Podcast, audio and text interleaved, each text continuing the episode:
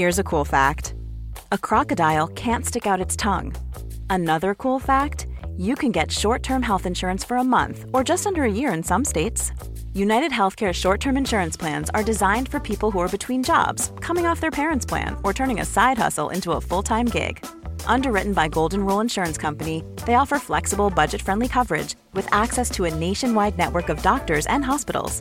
Get more cool facts about United Healthcare short term plans at uh1.com. Quality sleep is essential. That's why the Sleep Number Smart Bed is designed for your ever evolving sleep needs. Need a bed that's firmer or softer on either side? Helps you sleep at a comfortable temperature? Sleep Number Smart Beds let you individualize your comfort so you sleep better together. JD Power ranks Sleep Number number 1 in customer satisfaction with mattresses purchased in-store. And now, save 50% on the Sleep Number limited edition Smart Bed for a limited time. For JD Power 2023 award information, visit jdpower.com/awards. Only at a Sleep Number store or sleepnumber.com. Hey, it's Ryan Reynolds and I'm here with Keith, co-star of my upcoming film If, only in theaters May 17th. Do you want to tell people the big news?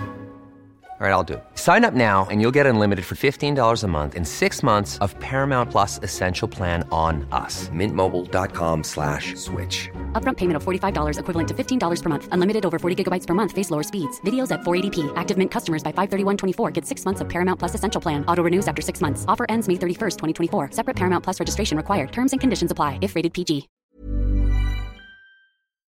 Palmemordet, vittnet Inge M, del 2.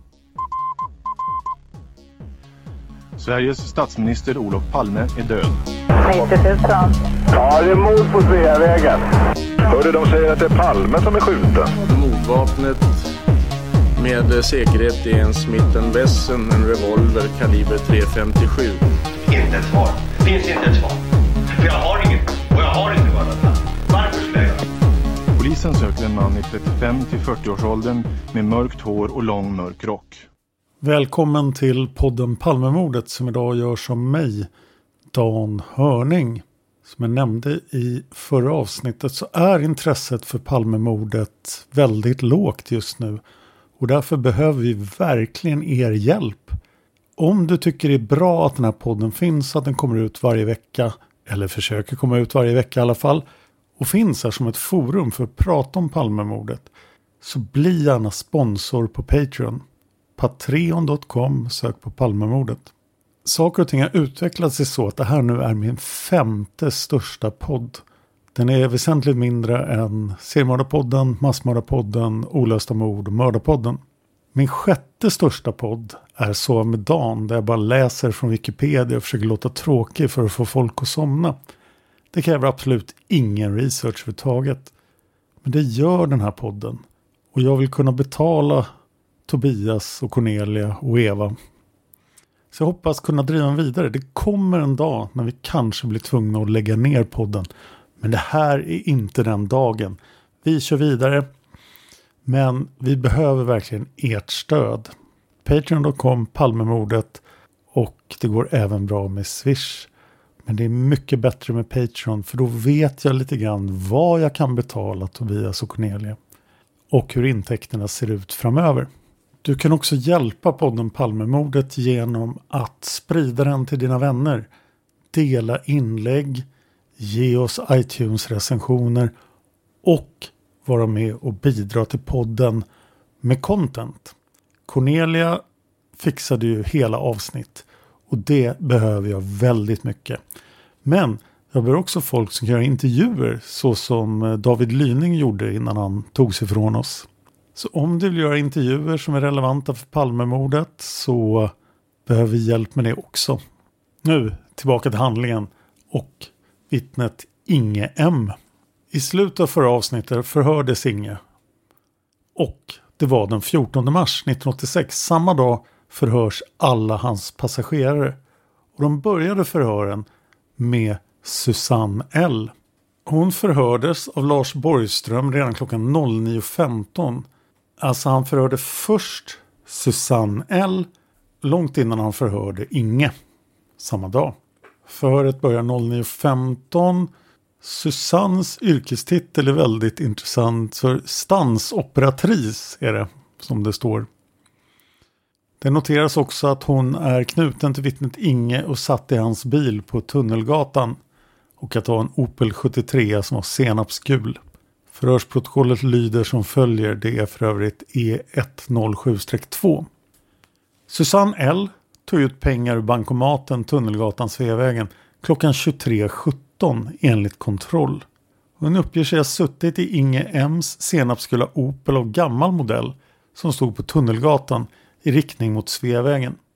Inge M satt vid ratten och förutom Susanne fanns även Sven-Erik R i bilens baksäte.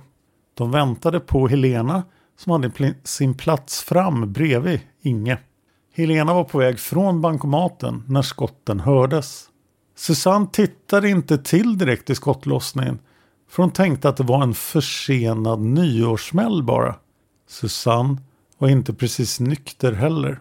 Susanne tittade mot platsen för smällarna och såg precis hur en person rasade ihop och en person som hon såg ryggen på sprang några meter ifrån på väg tunnelbatan bort österut. Hon såg att den som sprang var iklädd mörk halvlång rock vilket är allt hon kan beskriva. Hon kan inte ens säga om det var en man eller kvinna som sprang och ingen som helst ytterligare beskrivning än mörk halvlång rock. Hon bedömer att det var relativt ljust på platsen eftersom hon såg ända dit bort. Hon varse blev först när Inge M sa att någon blev skjuten att det rörde sig om sådant. När hon hörde smällarna satt hon just och tittade bakåt genom bakrutan. Och när Inge M nämnde detta så såg hon framåt och just då rasade personen ihop. Hon har inte minne om något hon kan ha sett av personer eller fordon i deras egen omgivning. Omedelbart efter det att personen föll observerade hon att det var troligen fyra personer som låg ner på gatan intill en taxibil som stod där precis efteråt. Hon tänkte inte på om det fanns andra personer intill som inte låg på backen. Hon har inte heller observerat eventuella personer intill bankomaten där de kort innan befunnit sig. Inga observerade bilar. Ganska kort efteråt, sedan Helena hade kommit in i bilen, körde de från platsen ut på Sveavägen och söderut till Sergelstorgsrondellen och vidare. Förut avslutat klockan 09.35. Det var alltså bara 20 minuter långt. Vi får också veta att Sven R är chaufför på Postgirot. Sven förhördes för övrigt sist av de fyra den 14 mars och hans vittnesmål är definitivt det mest innehållslösa. Men det kommer jag till. Samma dag, fortfarande den 14 mars, förhördes Helena. Hon förhördes klockan 11 och det var också av Lars Borgström. Så att det var direkt efter Inge. Och i slutet av Inge-förhöret sa de att det avslutades precis klockan 11. Så hon kom in direkt efter. Då kan man undra varför Susanne var nästan två timmar innan. Det var en timme och en kvart före Inge. Men det kanske var av praktiska skäl. Det här är fortfarande avsnitt E då, löpnummer 1071A. Helena är född i augusti 66. Så hon är 19 år gammal vid Palmemordet. Hon är också förstås knuten till vittnet Inge M. Och bilen kommer igen här. Så här lyder protokollet. Helena uppger att hon befann sig vid en bankomat på Tunnelgatan vid Sveavägens västra sida. Enligt bankens kontrollklocka tog hon ut 700 kronor klockan 23.18. Hon hade slagit in 700 av sin kod då hon hörde två smällar och reflekterade inte alls över det. Hon hade slagit in koden för fort så hon gjorde om det igen och tog ut pengarna. Hon gick in och satte sig i Inge M's bil utan att ha tittat mot platsen varifrån smällarna hördes. Hon gjorde inga iakttagelser innan hon kom in i bilen. När hon kommit in och satt sig i bilen sa Inge att de sköt. Så ser hon över mot platsen och ser bara massa folk. På fråga om personer uppehöll sig på hennes sida av Sveavägen så svarar hon att de flesta fanns på andra sidan. Hon kommer inte ihåg om någon fanns på platsen där hon stod. Flickan Susanne och killen som också medföljde Inges bil hade båda varit ute tillsammans fram till bankomaten där hon tog ut pengar. De hade gått tillbaka och satt i bilen när Helena gick in och satte sig. Inge hade stannat sin bil ganska långt fram på Tunnelgatan mot Sveavägen. Kanske fem meter före ljussignalen. På fråga om andra bilar så uppger hon att det fanns parkerade bilar där. Hon är helt säker på att det inte satt personer i dessa bilar. Hon brukar titta på sådant. Hon är inte säker på om den närmast bakom stod precis nära bakom eller längre bort. Hon kan inte beskriva något av dessa parkerade fordon. På fråga vad hon såg på omkring platsen för händelsen uppger hon att hon var lite onykter i tillfället. Hon såg absolut ingenting annat än en massa folk. Både Susanne och Helena kommer att förhöras igen i april och det kommer även Inge att göra. Men Sven verkar de inte ha något behov av att förhöra två gånger. Utan de förhör honom den 14 mars och sen är de nöjda. Och ni kommer att förstå varför. Men innan jag går vidare måste jag påpeka att Susanne alltså var född i augusti 63. Så hon är alltså 22 vid Palmemordet. Här kommer nu det episka förhöret med Sven-Erik R. Han jobbar som chaufför på posten och han förhörs då med anledning av att han satt i Ingems bil. Det är en gul Opel. Fortfarande påpekar de här. Det är Lars Borgström som förhör honom. Klockan är 12.40. Så man kan ju tänka sig att Borgström har gått och ätit lite innan han förhör Sven-Erik R. Här kommer förhöret i sin helhet. Det är bara anteckningar från det. Det enda han kan erinra sig var att Inge M stannade bilen på Tunnelgatan för att flickorna Susanne och Helena skulle till bankomaten och ta ut pengar. De tog ut pengarna och återkom med bilen där Sven-Erik tog plats i baksätet tillsammans med Susanne och hörde hur det small till två gånger. Sven-Erik tittade upp och undrade vad det var. Han tittade rakt över gatan och såg endast att någon ramlade. Sven-Erik hade inte glasögonen på sig så han såg ingenting. Inge M sa där springer en man. Men det kunde Sven inte se för han har dålig syn. De åkte från platsen då det fanns bra många människor runt om. De fortsatte vidare till restaurang Albatross. Detta är allt Sven-Erik kan säga. Och med det låter sig Lars Borgström nöja. Och vad vi vet pratar han aldrig med Sven-Erik R igen och det gör inte heller någon annan i Palmeutredningen så vitt jag vet. Palmeutredningen suger på den här informationen i tre veckor innan de bestämmer sig för att förhöra Susanne, Helena och Inge M igen.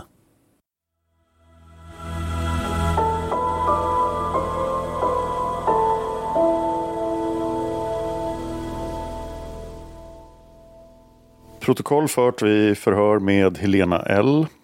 Förhöret hållet på kriminalavdelningen, våldsroten måndagen den 7 april 1986 med början klockan 15.15. .15.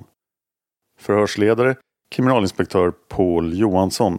Förhörsvittne ej tillgängligt och där är då E107.1b. Helena underrättas om att hon ska höras ytterligare i anledning av sina iakttagelser i samband med mordet på Olof Palme tidigare hörd i avsnitt E171-1.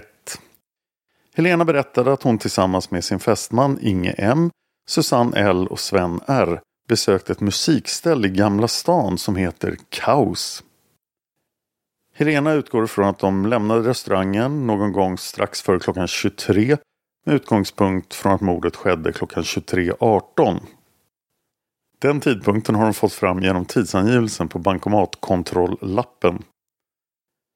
Sedan de lämnat restaurangen så åkte de i Inges bil in till stan och Hamngatan upp till Sveavägen och Sveavägen norrut fram till Tunnelgatan där de svängde ner till vänster, alltså Tunnelgatan västerut. Mittemot bankomaten ungefär så stannade Inge bilen och Helena och Susanne och Sven klev ur och gick fram till bankomaten. När de hade klivit ur så körde Inge bilen runt i en så kallad U-sväng och ställde sig på andra sidan Tunnelgatan med fronten vänd mot Sveavägen. A lot can happen in the next three years. Like a chatbot maybe your new best friend. But what won't change? Needing health insurance. United Healthcare Tri Term Medical Plans are available for these changing times. Underwritten by Golden Rule Insurance Company, they offer budget friendly, flexible coverage for people who are in between jobs or missed open enrollment. The plans last nearly three years in some states, with access to a nationwide network of doctors and hospitals. So, for whatever tomorrow brings, United Healthcare Tri Term Medical Plans may be for you. Learn more at uh1.com. If you're looking for plump lips that last, you need to know about Juvederm lip fillers. With Juvederm Volbella XC and Juvederm Ultra XC, your lip look, whether it's subtle or bold, can last up to one full year with optimal treatment and no additional maintenance. Find a licensed specialist and see if it's right for you at juvederm.com today. That's J U V E D E R M.com. Add fullness to lips in adults over 21 with Juvederm Volbella XC or Juvederm Ultra XC. Do not use if you have severe allergies or a history of severe allergic reactions, or if you're allergic to lidocaine or the proteins used in Juvederm. Tell your doctor if you have a history of scarring or taking medicines that decrease the body's immune response or that can prolong bleeding. Common side effects include injection site redness, swelling, pain, tenderness, firmness, lumps, bumps, bruising, discoloration, or itching. As with all fillers, there's a rare risk of unintentional injection into a blood vessel, which can cause vision abnormalities, blindness, stroke, temporary scabs, or scarring. For full important safety information, visit juvederm.com. Quality sleep is essential. That's why the Sleep Number Smart Bed is designed for your ever evolving sleep needs. Need a bed that's firmer or softer on either side? Helps you sleep at a comfortable temperature? Sleep Number Smart Beds let you individualize your comfort so you sleep better together. JD Power ranks Sleep Number number 1 in customer satisfaction with mattresses purchased in-store. And now, save 50% on the Sleep Number limited edition Smart Bed for a limited time. For JD Power 2023 award information, visit jdpower.com/awards. Only at a Sleep Number store or sleepnumber.com. Susanne L tog först själv ut pengar i bankomaten varefter hon och Sven gick över till Inges bil och satte sig där. Helena blev då ensam kvar vid bankomaten och slog in summan samt kontrollnumret. I samband med att hon slog in kontrollnumret så hörde hon två skott. Hon uppfattade dessa i förbifarten som pojksträck och reagerade då inte speciellt för detta. Hon var samtidigt upptagen med bankomaten eftersom den hade pipit vilket troligen berodde på att hon hade slagit in kontrollkoden för tidigt. Hon slog om kontrollkoden och fick därefter sina pengar och gick över till Inges bil. När hon kom fram till bilen såg hon att Inge hade klivit ur bilen och att han tittade upp mot Sveavägen. Själv satte hon sig i bilen. När de väl satt sig i bilen så sa Inge att någon hade blivit skjuten. Helena tittade upp mot Sveavägen och såg en folksamling på andra sidan Sveavägen. På förfrågan uppger hon att hon inte såg någon person ligga på marken. Men detta berodde väl i så fall på att de som stod runt omkring skymde sikten. Förhöret övergår i dialogform där jag kommer att gestalta förhörsledaren och Cornelia Boberg kommer att gestalta Helena. Ja, jag frågade inledningsvis om du hade sett någon person i bankomaten när ni kom dit. Då berättade du att det hade stått en man och tagit ut pengar då ni klev ur bilen. Ja, just det. Och att den personen gick Tunnelgatan västerut, alltså mot Norra Bantorget. Ja. Har du sett några människor på Sveavägen eller i närheten kring den här platsen innan ni svänger ner på Tunnelgatan? Nej. Har du inte lagt märke till någon person? Nej. Du har inte sett någon person som eventuellt skulle ha stått och pratat i en sån där walkie-talkie? Nej. Har du hört någon av de andra nämna något sånt? Nej. Vad händer sedan? När ni får reda på, eller när du ser denna folksamling. Du har hört två skott och du har insett vad som hänt. Vad gör ni då? Vi åker till restaurang Albatross, släpper av våra kamrater och åker tillbaka ner till Sveavägen och kontrollerar då att det är folk som tar hand om det här. Så ni åker? Ni stannar inte kvar i anledning av de här skotten? Utan sedan när ni hade konstaterat att det har hänt någonting så åker ni direkt ner till Albatross? Ja, och sedan åker vi tillbaka och då kom vi överens om att vi hör utav oss i morgon bitti. För jag skulle upp och jobba. Mm -hmm. Var polisen på plats då när ni kom tillbaka? Ja, just det. Du såg ingen grupp människor som rörde sig på Sveavägen ungefär när du var vid bankomaten? Eller när du gick över till bilen i samband med det? Nej. Och inte heller på Tunnelgatan? Nej. Har du någon uppfattning om det var mycket folk i rörelse? Ja, det var det. Menar du då innan skotten faller? Det var väl en ganska typisk fredagkväll. Bioutsläppet hade precis varit. Kan du säga om det fanns människor på Sveavägen när ni åkte fram till Tunnelgatan och svängde ner? Ja, det fanns det, men jag kan inte säga antal och hur många och var de gick och stod och sådär. Nej. Är du säker på att det fanns människor där eller är det en känsla som du har? Ja, jag är säker på det. För jag tittar ganska mycket runt omkring mig när jag åker bil. Mhm. Du kan inte försöka komma ihåg någonting av det du har sett? Några människor? Är det omöjligt? Ja, jag har inte lagt märke till något speciellt sådär. Såg du inte vid något tillfälle den här personen som låg på marken som du nu vet är Olof Palme? Nej. Hur många människor hade samlat sig kring platsen tror du när du först tittade dit? Svårt att säga. Fem, tio stycken skulle jag tro. Sedan stod då taxibilen där. Jaha, en taxibil. Såg du några fler bilar? Nej. Inte sådär som man la märke till för trafiken fortsatte även om man saktade in. Så att när du första gången kastar en blick mot platsen där så står redan den här taxin där. Mm.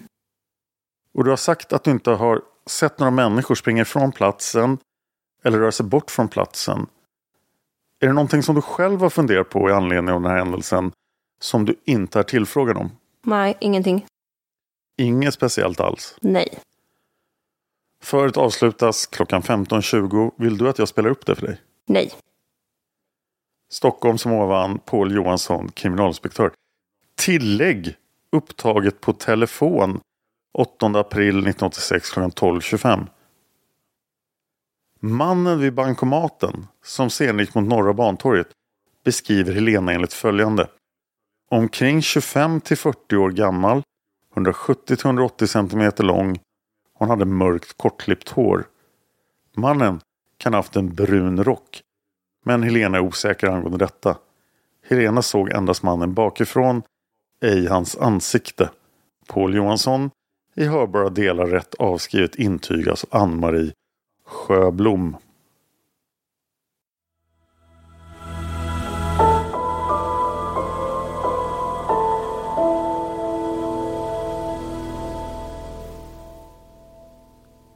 Och sedan förhörs Inge igen.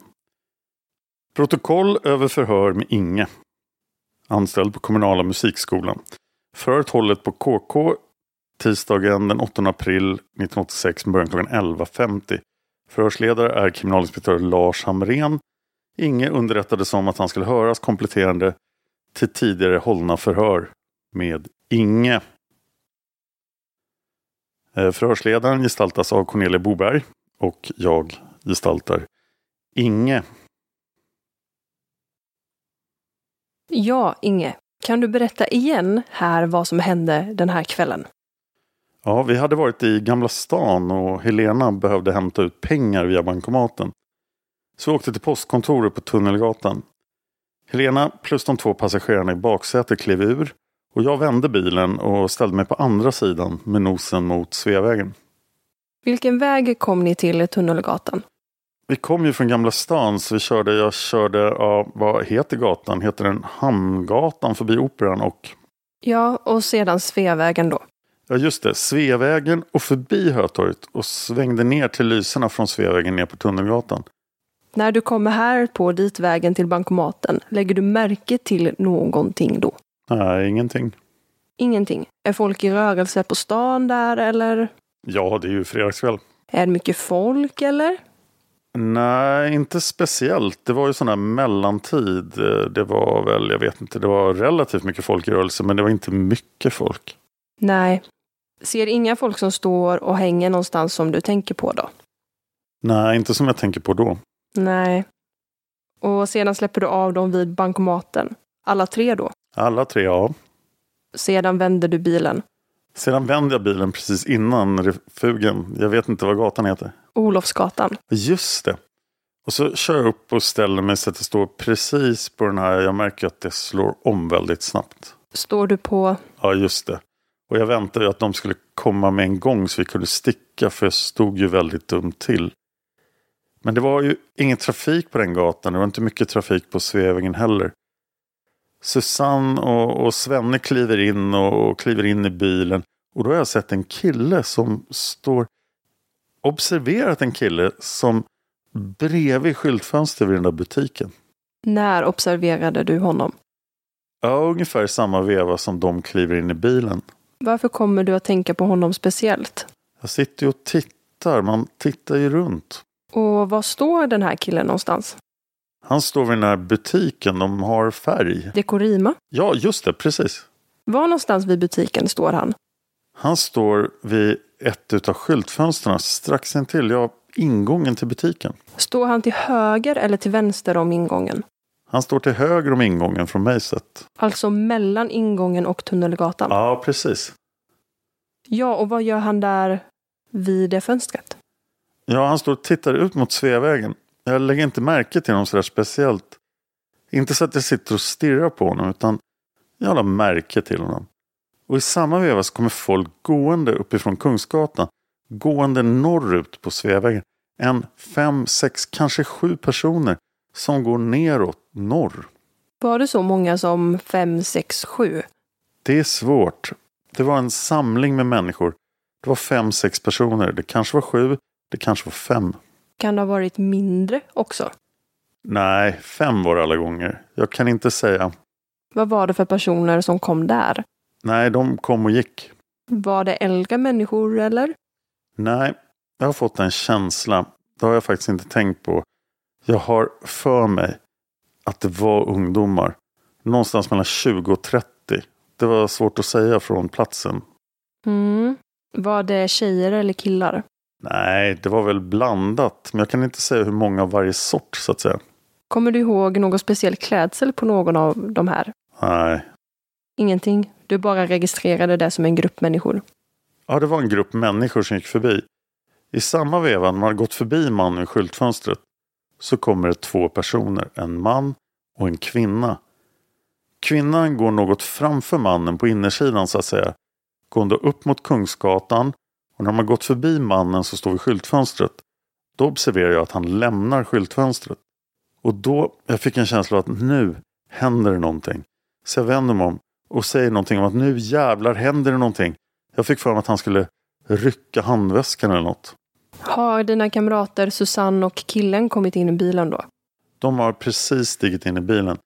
De håller på att sätta sig till rätta i baksätet. Men du har hela tiden blicken riktad framåt. Du tittar inte på dina kamrater då? Nej, inte då nej. Jag har väl kollat att de kom in ordentligt.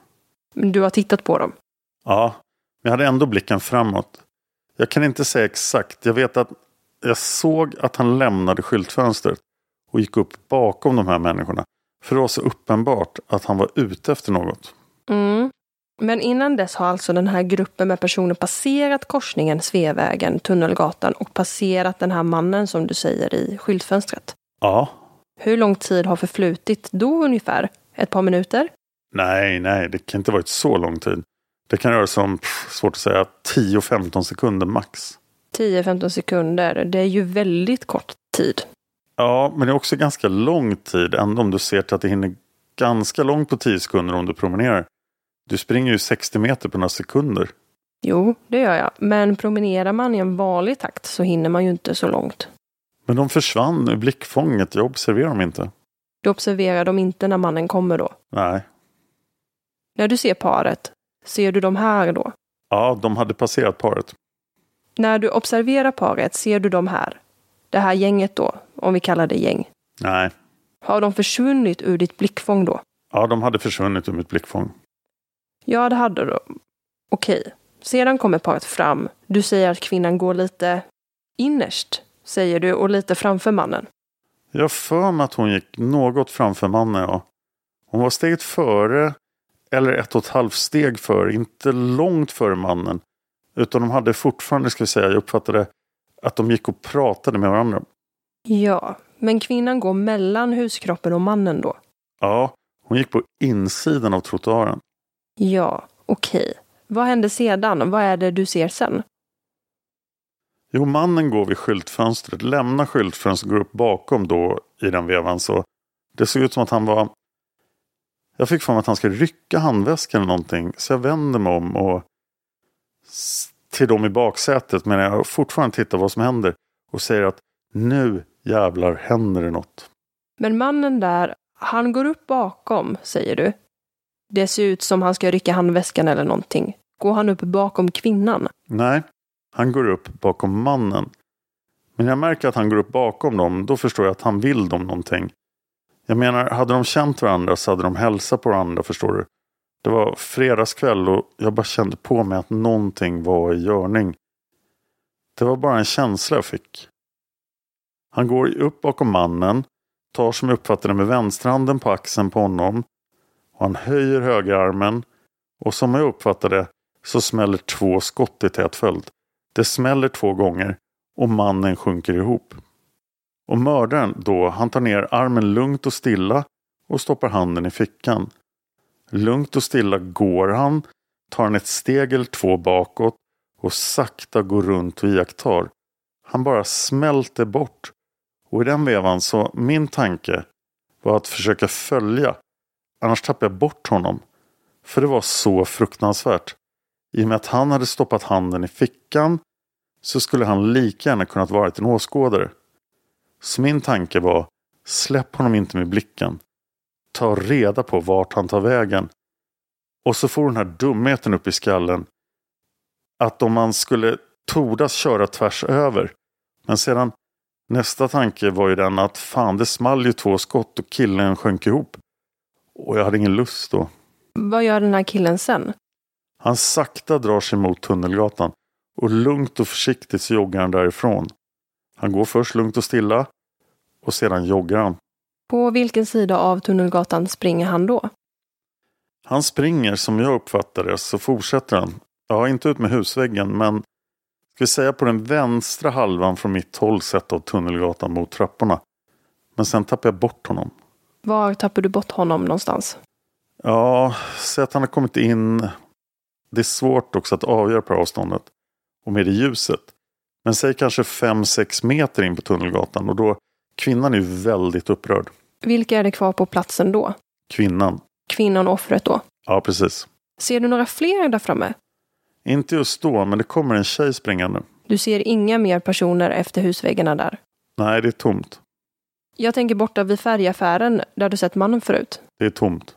Det är tomt och du ser inga... Kvinnan är kvinnan var själv i det här läget. Mm. Och sedan händer? Sedan jag för mig att det kommer en ung tjej springande utan jag tror inte hon hade någon kappa på sig eller någon överrock. Utan hon kom väl... Jag uppfattade det som att hon kom från någon bil. Hon kommer springande snett från Sveavägen. Jag fattade det som att hon satt i någon bil vid rödlyset in mot Tunnelgatan på min sida. Men det törs jag inte svära på. Men hon springer bort dit och sedan börjar folk strömma. Det var en taxi som körde över tvärs över gatan. Så gjorde en U-sväng har jag för mig. Och det var fler bilar. Sedan strömmade folk till. Men jag såg en sak som jag reagerade mot vad jag läste i tidningen. Då att det var någon som sprang efter. Och det kan inte jag påminna mig. Jag har verkligen sökt efter det men jag, jag försökte följa den här killen med blicken. Och jag kan inte påminna mig om att det var någon som sprang efter. Nähä. Hur beskriver du den här killen då som du säger har stått vid husväggen här och sedan går fram och skjuter? Ja, det var en lång kille. Han var, det är svårt att bestämma längden. Säg att han var decimeter, 15 centimeter längre än mannen han sköt. Han var kraftig. Som jag uppfattade det så hade han en stickad mössa på huvudet som var neddragen på skallen. Så att skallen var så att säga rundad. Mössan stack inte ut. Och att den var uppvikt så man fick den här breda... Var den neddragen över öronen? Ja, öronen också. Ja, den minnesbilden har jag. Det var en grov stickad mössa. Och vad var det för färg? Det kan jag inte svara på för ljuset var sånt att det gick liksom inte att det var svart, grått eller ljust. Mm. Såg du några andra färger på den här mannen? Nej, ansiktet såg man inte. Det var för långt bort. Kläder i övrigt då? Han hade alltså inte, det var inte rock han hade. Och det var inte midjejacka men det påminner, ska vi säga, parkasliknande sån där trekvart. Slutar strax nedanför knäna. Någon decimeter, ska vi säga en parkas men utan kapuschong som var knäppt. Färg? Den var mörk. Ja, övrig Ja, övrig klädsel. Du tänkte inte så långt ner som byxor och till skor och sånt. Lade du märke till något sådant? Nej. Du säger att han tog det här offret med vänster hand på axeln. Mm. Gick han runt offret då? Nej, bakifrån. Offrets vänstra axel. Offrets vänstra axel. Hur reagerade offret då?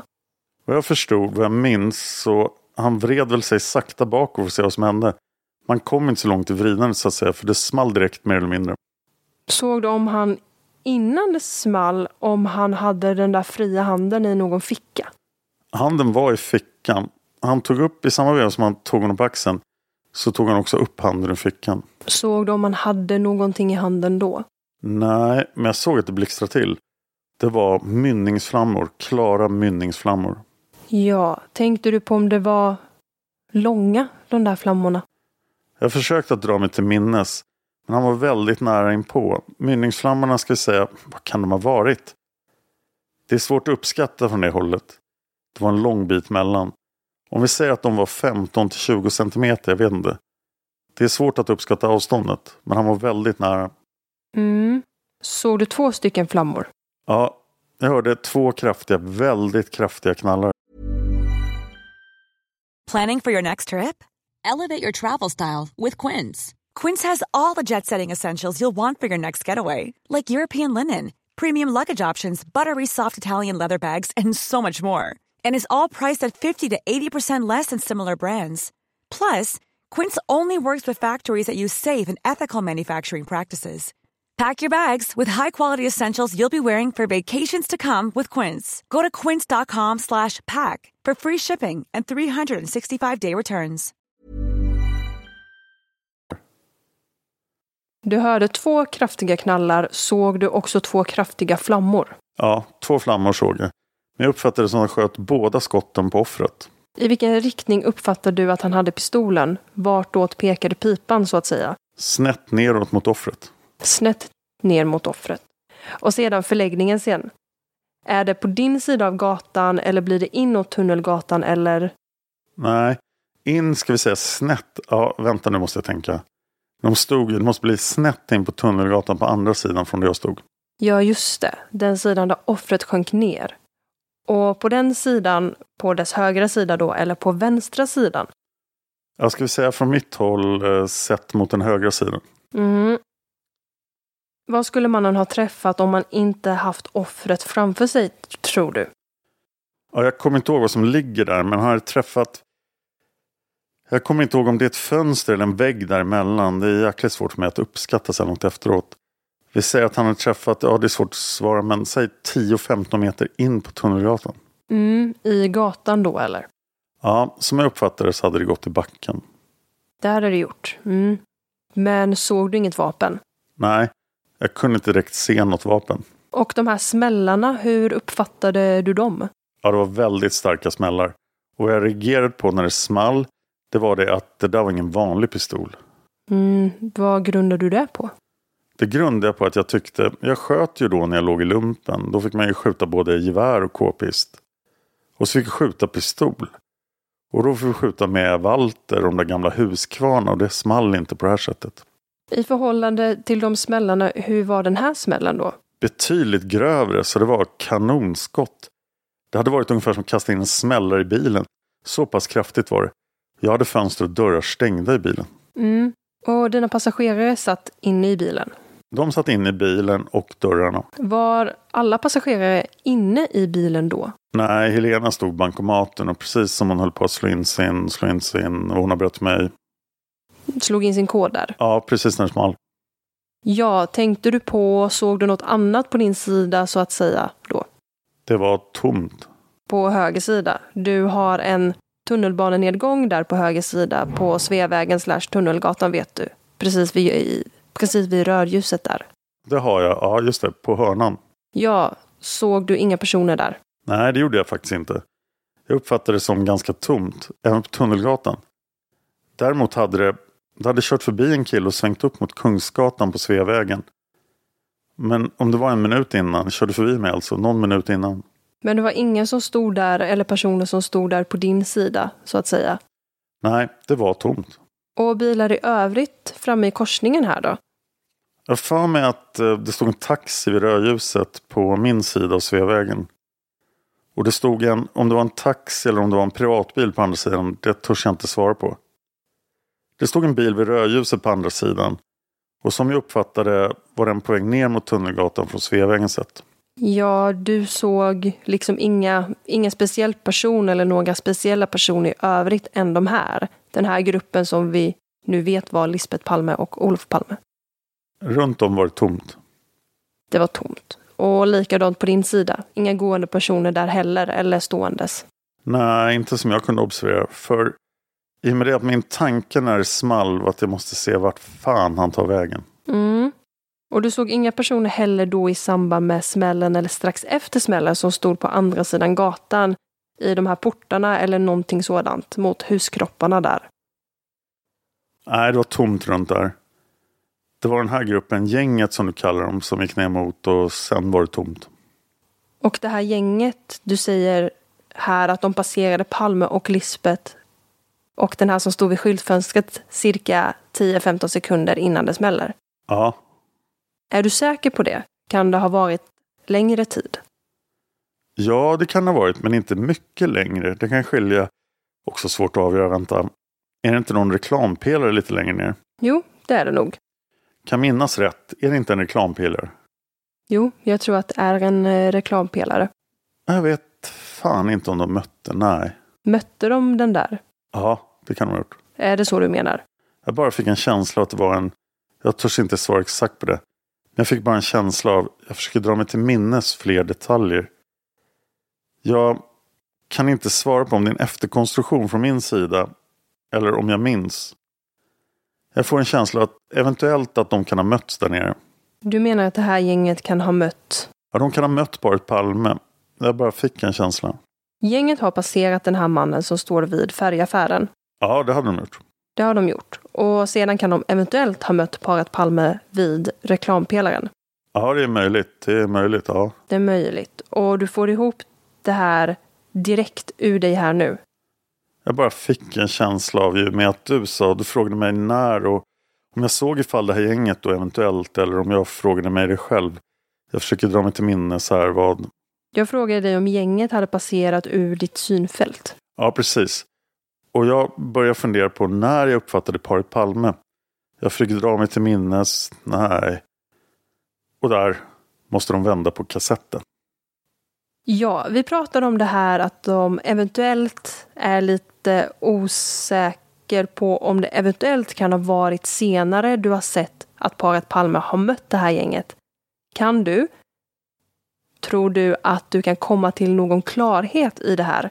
Du pratade om den här reklampelaren. Vad, vad jag blir osäker på här nu om paret Palme. Jag vet inte hur pass viktigt det är om de stötte på det här gänget vid reklampelaren. Jag bara... Du hänger upp dig vid reklampelaren säger du, spontant här. Ja, det är någonting som ligger i bakhuvudet som har med den här jävla reklampelaren att göra. Om det kan ha med att de... Jag är lite osäker på exakt var jag såg makarna Palme första gången. Var jag uppmärksammade dem första gången. Om det var och hur pass långt det här gänget hade kommit när de försvann. Nej, jag törs inte gå in på det mer för jag är väldigt osäker. Nej, men du säger i alla fall, om vi tar det från början här. När Palme blir skjuten, då hade i alla fall det här gänget försvunnit ur ditt synfält. Ja. Hur lång tid hade du varit borta ur ditt synfält? Du säger att du har sagt... Ja, som jag uppfattar det. Det är svårt att uppskatta, men låt oss säga 10 till 15 sekunder. Ja, du säger 10-15 sekunder, men du är också samtidigt lite osäker på nu här. Du har suttit här och tänkt om det verkligen var vid korsningen som du sa det från början. Ja, eller strax efter korsningen som paret mötte det här gänget. Eller om det var lite senare vid reklampelaren. Nej. Har jag missuppfattat dig? Ja, nu har du nog missuppfattat mig. Om vi tar det hela från början. Det här gänget gick alltså förbi mannen som stod vid skyltfönstret och därefter, var jag, därefter kom paret Palme. Så gänget var borta ur mitt synfält i och med att han sköt. Och då hade paret Palme gått förbi det stället där mannen stod vid skyltfönstret. Ja, var gänget borta när paret Palme passerade mannen? Ja, jag försöker dra mig till minnes. Det var eventuellt var att... Ja, och jag fick en känsla av att jag såg att jag blev osäker eller att jag fortfarande är osäker på om paret Palme mötte gänget vid den här reklampelaren. För helt plötsligt fick jag för mig att det stod en reklampelare och någonting. Jag är osäker om paret Palme mötte det här gänget eventuellt vid reklampelaren. Jag tänkte jag skulle försöka dra mig till minnes vad jag uppfattade paret Palme mer exakt. Men jag har för mig att det var en reklampelare. Jag är väldigt osäker. När du uppfattade det här paret, uppfattade du det då som Olof Palme? Nej, nej, nej. Va, nej, det gjorde du inte. Men det hade jag ingen aning om före klockan fyra på morgonen. Och då ringde Sven hem till mig. Ja, var du över på andra sidan gatan någonting sen? Nej, det var jag inte. Utan jag satt kvar i bilen och polisen var ju på plats på nolltid. Och folk strömmade dit till och ambulans kom ju förstår du. Det var så väldigt mycket folk på platsen. Vad jag uppfattade det hela, jag trodde att det var någon form av, ja, det var ju en avrättning. Det var elakt, helt iskallt. Det förstod jag med en gång. Det var inte någon jävla galning som inte sköt vem som helst. Utan han stod helt klart och väntade och gick upp bakom. Och han tog god tid på sig och han var fruktansvärt lugn. Han sprang inte från platsen. Han var inte panikslagen på något jävla sätt utan han var så iskall. Så det var, han var så fruktansvärt iskall alltså. Så det hade jag inte efter det att det hade smält bestämt mig för att hålla mig i blickfånget. Jag hade aldrig fattat att det hade skjutit skott. Utan jag hade trott att någon jäkla kastade en smällare. Och att mannen möjligtvis hade ramlat och blivit rädd. Eller vad som helst. Mm. Hur kom det sig att du fick se den här killen vid, vid skyltfönstret då? Jag satt och tittade som man gör, inget att göra, väntade på att snabbt komma hem och få lägga mig och sova. Och under den här tiden som de var ute såg du något mer än den här killen och? Jag observerade honom. Känslan var liksom att han stod och väntade på någon. Stod där och tittade och de här människorna gick förbi. Man sitter och tittar. Okej, de här människorna som gick förbi, du kan inte ge mig någon beskrivning på det här gänget. Du säger att det är 57 stycken. Ja, någonstans däremellan. Så många som fem? Det... Ja, det, det är nästan det jag är övertygad om. Det är du. Det var ett gäng. Och det var blandat, tjejer och killar? Ja, det var tjejer också. Hur verkar de då? Uppträdde de på något speciellt sätt? Ja, det var ju som jag uppfattade att de var på väg. Antingen på väg hem från en fest eller på bio. De var uppsluppna, det var en glad stämning, de gick och snackade med varandra. Ja, du hörde inte när de gick och snackade? Nej, men man såg att de gestikulerade. Det var feststämning. Det var fredagskväll i Stockholm. Mm, ja, och något mer här som du inte lagt märke till? Du har inte lagt märke till någon som stod på din sida, till exempel vid tunnelbaneuppgången där? Nej. Eller på andra sidan, samma sida så att säga? Nej. Och inga människor stående vid husliven? Nej, runt om var det tomt. Det var tomt. Ja, är det något mer du tänkt på här? Så här efteråt? Du har i och för sig matats med en massa uppgifter från tv och tidningar. Ja, det är framförallt att han var så fruktansvärt iskall. Det var, det var ingenting. Det var så jävla uppenbart att det var den här mannen han skulle, som han skulle slakta. Det var inte frågan om han stod där och väntade det. Mm. Han visste vem han skulle skjuta. Och här ringer telefonen och eh, någon måste prata i den och sen fortsätter förhöret. Ja, då fortsätter vi. Han uppträdde så lugnt. Han visste exakt vad han skulle göra. Han visste exakt hur han skulle bete sig. För att inte en jäkel skulle lägga märke till honom. Det var alltså så iskallt. Ja, det var för jävligt. Jag trodde inte att någon överhuvudtaget kunde vara så iskall. Nej, okej. Okay. Du har ingenting mer att tillägga nu i det här läget? Nej, tyvärr. Jag är ledsen. Förut avslutar klockan 12.30 Stockholmsmorgon Lars Hamrén, kriminalinspektör. I hörbara delar rätt avskrivet intygas Ann-Marie Sjöblom.